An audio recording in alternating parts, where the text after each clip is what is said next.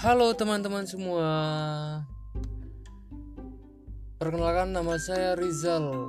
Eh, podcast ini kita akan isi dengan apa ya? Dengan cerita-cerita tentang mahasiswa mungkin eh, sambatan-sambatan mahasiswa tentang dosennya yang killer atau eh, juga tentang bagaimana kehidupan yang dijalani oleh seorang mahasiswa.